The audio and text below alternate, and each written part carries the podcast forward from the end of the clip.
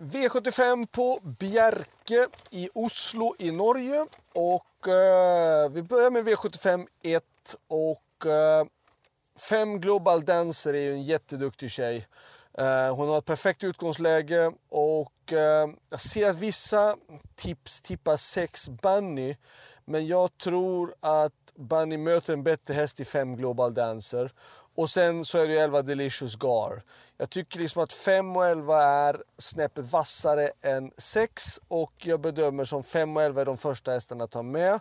Där bakom 6 Bunny och eh, kanske 3 Halusha Vang. Eh, kanske 9 Unleashed Kemp och nummer 1 då, Ellas Venus. Men det är lite långdraget. Jag tycker att det är 5, 11, 6, 3, 9, 1 i sådana fall. Då. Eh, V75 2. 4 Gimme 5 är väldigt hårt betrodd och har ett bra utgångsläge. Men jag tycker det var ett ganska billigt försök och den fick bra betalt för det senast. Och eh, jag kan tycka att sån här häst nummer 12, Striking Eagle, är en jättebra häst. Um, och jag tror inte att det är något problem med distansen för honom heller, det vet vi sedan tidigare. Jag tycker att 11, eller 12 Striking Eagle är faktiskt till och med ett spikförslag. Uh, självklart så är nog 4 Gimme 5 emot. Kanske även nummer 1 Mamis Survivor också i sådana fall. Men 12 första häst, där bakom 4-1. V75 3, gulddivisionen och normalt sett står loppet mellan 3 Ultion Face, 4 Missy Hill och 5 Dear Friend. Loppet blev ju väldigt annorlunda såklart då när 6 Stolder Show blev struken och jag tror att det räcker 3, 4, 5. Vill man ha några fler hästar, några som man kan varna för i sådana fall, så är det nummer 8 Kagan och faktiskt även nummer 10 That's So Cool som jag tror tyckte gjorde ett kanonlopp på, på Axfalla senast då gick utvändigt ledande och gjorde ja, ett riktigt kanonlopp. Så att, men ändå, 3, 4, 5 har de bästa utgångslägena. V75 4. 4 Misai har jag varit med och mött två gånger och han har sett jättefin. Uh, jag tror att med det här perfekta utgångsläget så tycker jag att han är en spik och jag kan tycka att han faktiskt är till och med den bästa spiken i omgången. Uh, jag tycker att 1600 meter bil är perfekt distans, spår 4 är perfekt, hästen har bra form, Mats känner hästen väl, vann på bra sätt, jätteenkelt seger senast. Motståndsmässigt tycker jag inte heller att det är jätte, jätte sådär... Visst, det är tuffare motstånd än vad det har varit de sista två loppen, men jag tycker ändå Ska man gardera då kommer det här loppet bli ganska dyrt. Det, det som skulle kunna tala emot då i sådana fall är nummer ett Glorious Rain skulle kunna hålla upp spetsen i sådana fall och då skulle det väl kunna utmana lite grann. Men så fort som Missai öppnade näst senast på Eskilstuna, han körde länge och väl eh, och ändå klarade att ha krafter kvar att kunna stå emot till slut så, så blir det spik. Varningen, det säger jag är en häst som jag kört tidigare som jag tycker såg lite vass ut senast faktiskt och satt fast med en del krafter kvar och det är nummer 5 Lucifer Boko. Om han skulle på något sätt kunna såga sig ner eh, i ryggledaren eller tredje par invändigt så skulle det kunna vara en intressant överraskning i sådana fall i alla fall. V75 5. Ehm, det här loppet tycker jag är öppet. Jag tycker det här loppet är svårt.